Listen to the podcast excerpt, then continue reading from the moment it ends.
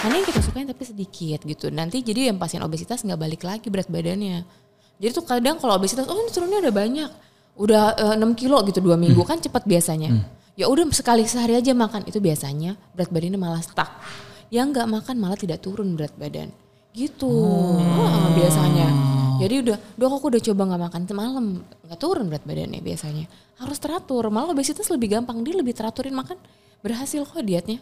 Oke, oke. Dan mindsetnya juga oke kan, dia jadi sehat, seger. Oh iya turun gitu, gitu. Iya, iya. Itu yang bikin kayak diet tuh jadi stuck ya. Heeh. Karena udah nurunin aja sendiri gitu kalorinya, padahal udah kita hitungin, baku tuh hitungin gitu-gitu kayak gitu sebenarnya. Nice, berarti bisa start dari ya itu hal-hal yang kayak ngurangin goreng-gorengan Heeh, gitu betul, kan. kebiasaan makan yang seperti Heeh. itu. Daripada nyari gore- gorengan, mendingan kalian tuh berpikir bisnis gorengan. ya. Heeh, Bikin lebih orang cuan. gendut nanti orang yang gendutnya ke aku terus bener. Kita muter di situ Iya, aja. iya, iya. Kita bikin ekosistemnya ya. ya. Muter aja di situ simbiosis mutualisme. Jadi awalnya kita creating story dulu, berhasil karena gorengan, kita bisnis gorengan, orang-orang makan laku ke badan naik udah ya udah coba kurangin. Bagus banget ya. Otak entrepreneur. Cuanpreneur. Cuanpreneur. Nah, ngomongin makanan, eh, kira-kira makanan apa nih yang bisa eh, menyebabkan ya kayak gitulah dok, kayak overweight jadinya gitu. Yang pertama, eh, yang pertama tadi selain makanan berlemak itu eh, makan yang sering tanpa kita rasa. Kadang itu pasien suka-suka lupa. Teman-teman kita sendiri suka lupa. Kayaknya nggak makan nasi gitu. Tapi ternyata dia nonton Netflix dari jam 9 pagi Korea lah sampai jam 3 sore gitu ya. Nggak makan kan, nggak makan siang. Tapi yang dimakan eh, chips, nachos, kentang goreng. Ngerasa musuhnya diet itu nasi. Padahal udah dietnya nggak makan nasi. Itu pasti berat badannya naik. Padahal kita nggak makan apa pun di situ. Itu yang pertama.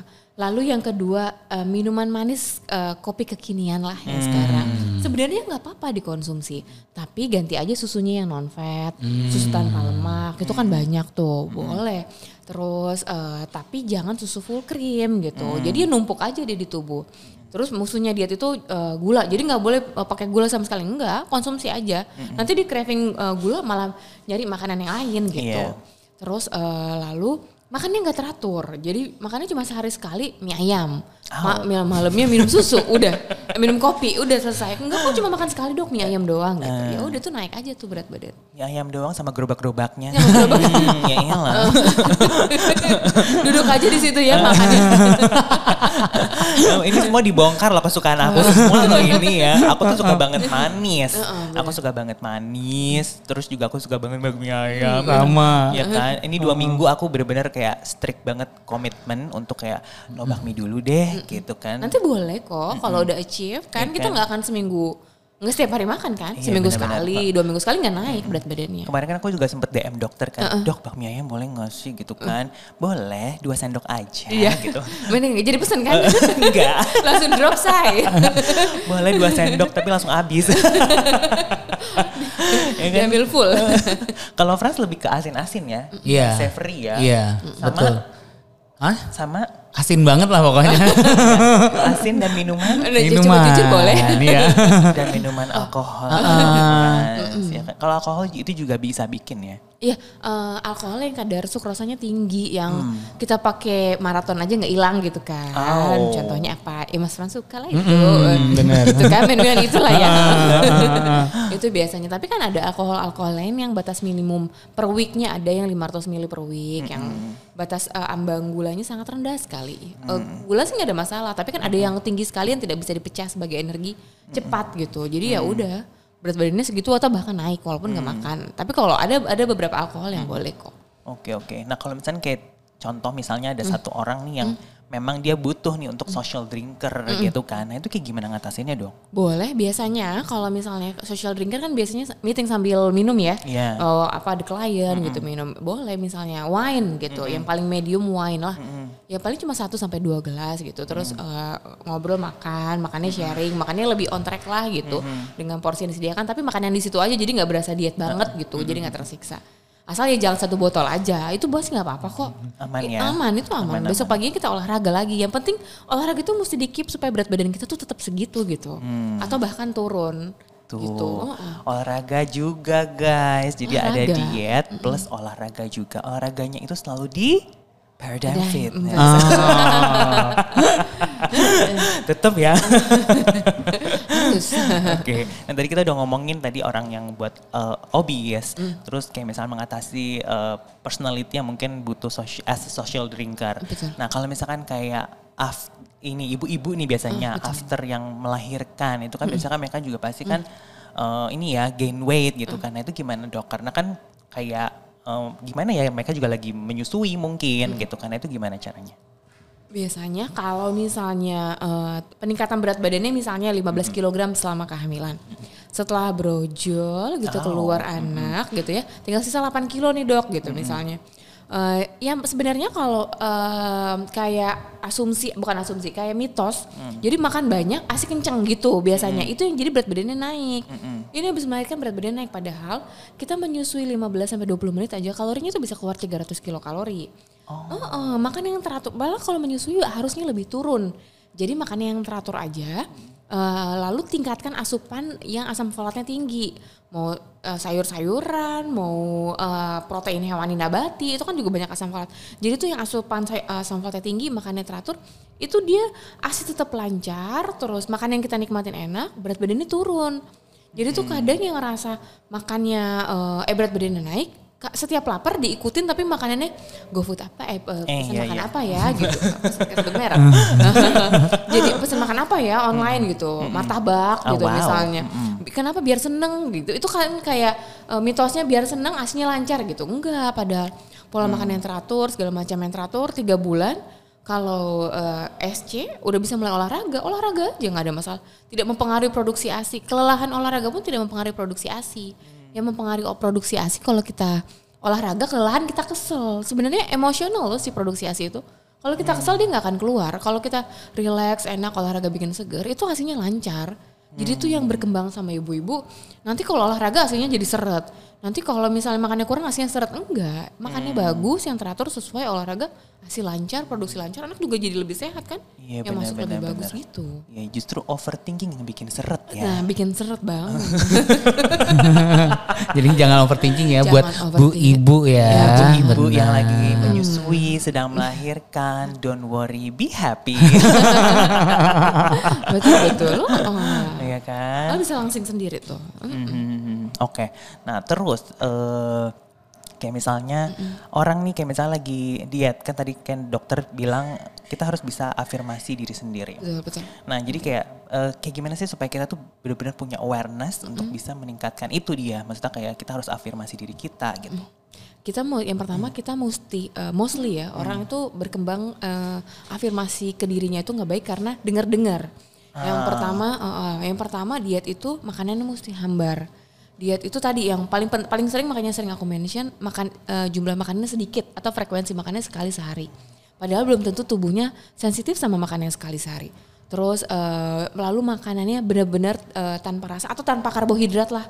Itu jadi kita mesti mengafirmasikan diri kalau makanan yang kita konsumsi itu tinggal diperbaiki aja. Jadi kita tahu nih yang nggak boleh apa, terus eh, yang eh, boleh tapi tidak terlalu banyak apa. Terus kita mesti eh, merilekskan tubuh kita dengan olahraga. Itu paling penting, itu paling penting sih buat saya. eh, dia tanpa olahraga, aku mah kayak misalnya nggak biasa olahraga, yang penting 15 menit aja bergerak. Nggak apa-apa kok, apa aja. Yang penting sih endorfinnya keluar, itu afirmasinya jadi bagus. Terus ya itu, lalu yang tadi yang aku ulang lagi dari pertama, yang eh, makan harus hambar. Jadi tuh kadang eh, orang datang atau pasien datang dengan eh, dengan keberhasilan mer- merasa eh, dietnya sudah berlangsung lama karena makanannya udah hambar. Aku padahal makannya udah nggak ada rasa dok, enggak. Jadi kita harus menikmati makanan yang kita makan. Jadi tinggal di sounding aja dok, tapi saya nggak suka yang ini, ganti aja yang kayak gini boleh nggak? Gitu ti- bisa. Jadi nanti kalau udah nggak diet lagi akan kita pakai eh, pola makan itu, pattern makan itu. Mungkin ya kalau weekend agak loss sedikit ya nggak ada masalah, tidak akan naik. Tubuh sudah beradaptasi. Jadi yang pertama yang butuh afirmasi diri, makanan harus enak. Aku harus bil aku selalu bilang makanan enak. Misalnya susah dok kerja gitu. Mau catering boleh nggak boleh. Nanti pertemuan berikutnya pasti aku nanya cateringnya enak nggak? Enggak ganti yang lain yang enak gitu, yang multi yang kita suka. Terus eh, jangan skip skip, skip snacking. Kalau orang kantoran tuh kalau kita skip snacking atau kita nggak sempet lah bawa buah yang banyak gitu ya, biasanya teman-temannya pesan online makanan apa gitu donat dia ikutan. Au. Jadi itu penting jam makan penting gitu. Heeh. Iya iya iya. gitu. iya. Terus makannya teratur aja. Lalu oh yang terakhir jangan nggak makan malam. Jadi kadang datang padahal udah nggak makan malam dok gitu. Mm. Padahal nggak ada hubungannya. Kalau makan yang kita makan malam sesuai, jenisnya sesuai, komposisi tubuh kita sesuai, itu boleh nggak bikin naik. Bahkan dia mempercepat metabolisme jadi dibakar lebih cepat gitu. Eh bener loh. Gitu. Karena tuh aku juga eh, makan malam. Iya, iya. Iya gak sih? Makan malam. Iya benar. Men- Kalau menunya Frans ada makan malamnya ya. Ada makan Ya, malam. Kalau aku makan malamnya harus berupa yang fruits fruits gitu. Iya. Enak dok. Dan percaya atau enggak setelah eh, ngikutin apa kata saran dokter dari pagi, siang, sore, Nggak pernah dan kelaparan sih. malam, Iya. Iya. Kita nggak merasa craving. Terus juga pas bangun tidur juga berasa lebih seger. Dan percaya atau enggak, kita bisa bangun lebih pagi. Pagi. Nah itu enak banget tuh. Enak banget asli. Berarti kaleng-kaleng. makanan yang teratur itu bisa ngerilisin hormon melatonin ya tanpa ada suplementasi kan. Jadi melatonin itu keluar banyak kan kita deep sleep bangun seger aja kan itu enak banget. Oh, tidur yang enak tuh kan harganya mahal. Ya, benar. Bener bener bener bener bener bener. biar bener, bisa bener. mimpi indah. mimpi indah bukan mimpi basah. Nah, itu juga gak apa-apa sih. Kehujanan kalau itu Oh, iya, oh, iya. bocor. Oh, iya, bocor. Bener. Betul, betul. Lagi mau musim hujan kebetulan. Musim hujan. ya mau masuk Oktober ini Masuk ya. bener bener bener bener. Oke dok. Nah sekarang terakhir nih dok. Tips dari dokter untuk orang-orang yang baru mau mulai eh, diet. Betul betul. Yang pertama buat yang mau mulai diet, yang pertama itu mesti semangat. Jadi datang atau eh, eh, mesti benar-benar semangat. Datang dengan keadaan yang full. Jadi kalau datang eh, datang ke dokter spesialis gizi mana pun, datang harus dengan cangkir kosong. Ceritakan aja apa pun, lalu yang diberikan informasi dituang. Jadi jadi cangkirnya jangan isi. Tapi dok, eh, kalau kayak gini tapi dok gitu, ikutin aja. Tapi te- tinggal di, eh, kalau saya begini bisa nggak? Tinggal dikomunikasikan. Yang pertama semangat itu, semangat untuk eh, semangat untuk sehat, bukan semangat untuk kurus. Lalu yang kedua niat. Kalau udah niatnya bulat, niat tekad atau udah bulat, eh, mau berapapun yang hasil dihasilkan setiap minggu cuma satu kilo satu setengah kilo turunnya atau bahkan dua kilo lebih gitu itu kita akan puas sendiri. Jadi ja- jangan cepat puas eh, jadi mesti niat juga gitu. Lalu yang ketiga eh, kita mesti tahu eh, ke apa yang menyebabkan berat badan kita jadi meningkat. Kita mesti sadar sendiri jangan denial gitu. Kadang enggak kok nggak makan gitu. Tapi ternyata selipan-selipan makanannya banyak yang tidak diceritakan. Karena itu bisa kita modifikasi kok. Jadi tidak tersiksa gitu. Iya iya iya. dan yang paling eh, paling penting adalah bergerak. Itu aku tuh selalu ngomong karena aku suka olahraga. Aku menyarankan pasien bergerak nggak bisa banget tuh kecuali cedera ya. Eh, lututnya udah sakit duluan karena berat badannya belum terlalu meningkat ya. Aku itu aku serahkan sama dokter penanggung jawab yang lebih kompeten, dokter ortopedi atau rehab- rehabilitasi medik gitu. Jadi terserah sama mereka olahraganya. Tapi kalau kita masih bisa bergerak, bergerak lah.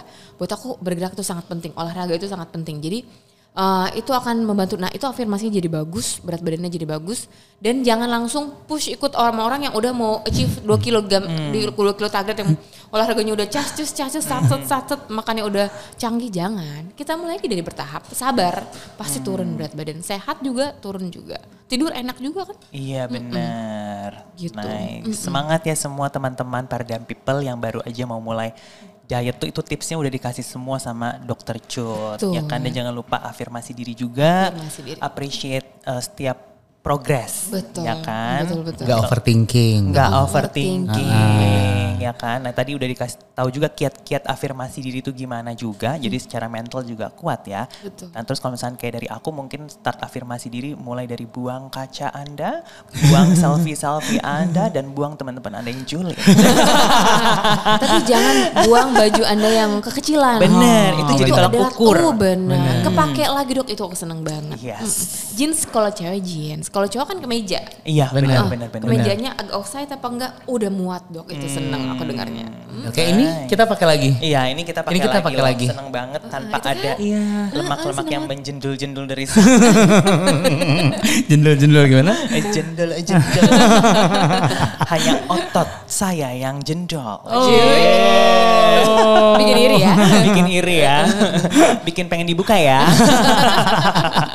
Oke deh dokter Cu, thank you so Thank much. you, thank you so much Sama-sama, Dokter. Yes, thank you thank you. Nah, buat Paradigm People, thank you for watching and listening. Kalau misalnya ada feedback, ada saran, very welcome to DM us. Yes. Follow our social media dari banyak platform, ada di Instagram, ada di Facebook, ada di LinkedIn, YouTube dan TikTok. Dan kita ketemu lagi in the next episode of Paradigm Lifestyle Podcast powered by Paradigm Fitness Indonesia. It's your future.